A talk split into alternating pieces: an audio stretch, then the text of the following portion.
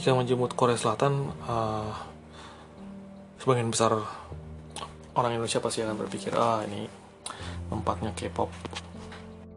Juga untuk film layar lebar tahunnya Parasite kan yang uh, tahun ini menang film terbaik di Academy Awards.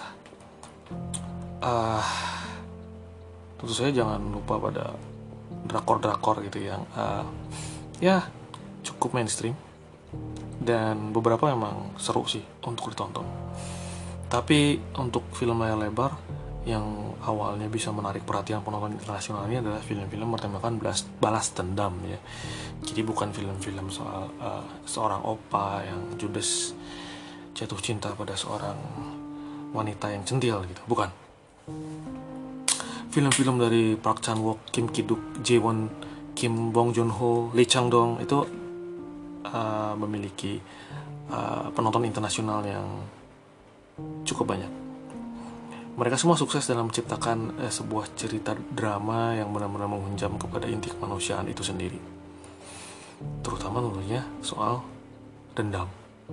Dan entah kenapa film-film Korea Selatan bertemakan dendam itu menarik.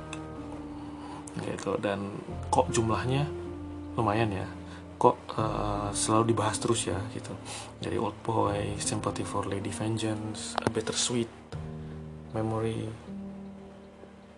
eh Better Sweet Life, Nowhere to Hide, I Saw for the Devil, The Tale of Two Sisters dan banyak lagi. Ini tuh sebenarnya dibikin karena cari untung doang atau apa gitu. Nah menurut hemat saya sih ini pasti terkait dengan sejarah Korea Selatan sendiri gitu. Bahwa Korea Selatan itu bukan suatu negara yang berjalan dengan mulus dalam sejarahnya gitu. kalau dibaca beberapa presiden Korea Selatan itu sudah dihukum karena korupsi.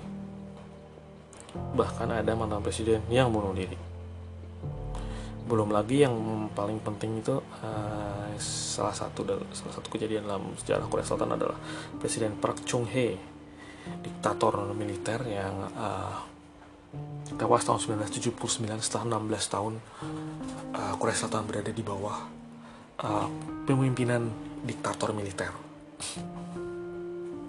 Belum lagi um, pada masa itu Korea Selatan itu hidup dalam bayang-bayang dua tetangganya yang besar yaitu Cina dan Jepang.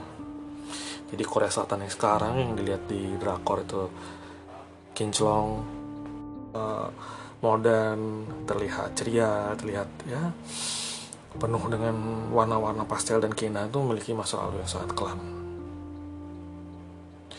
Uh, ini nggak jauh beda dengan Indonesia sendiri ya yang kita juga pernah mengalami diktator kita sendiri gitu.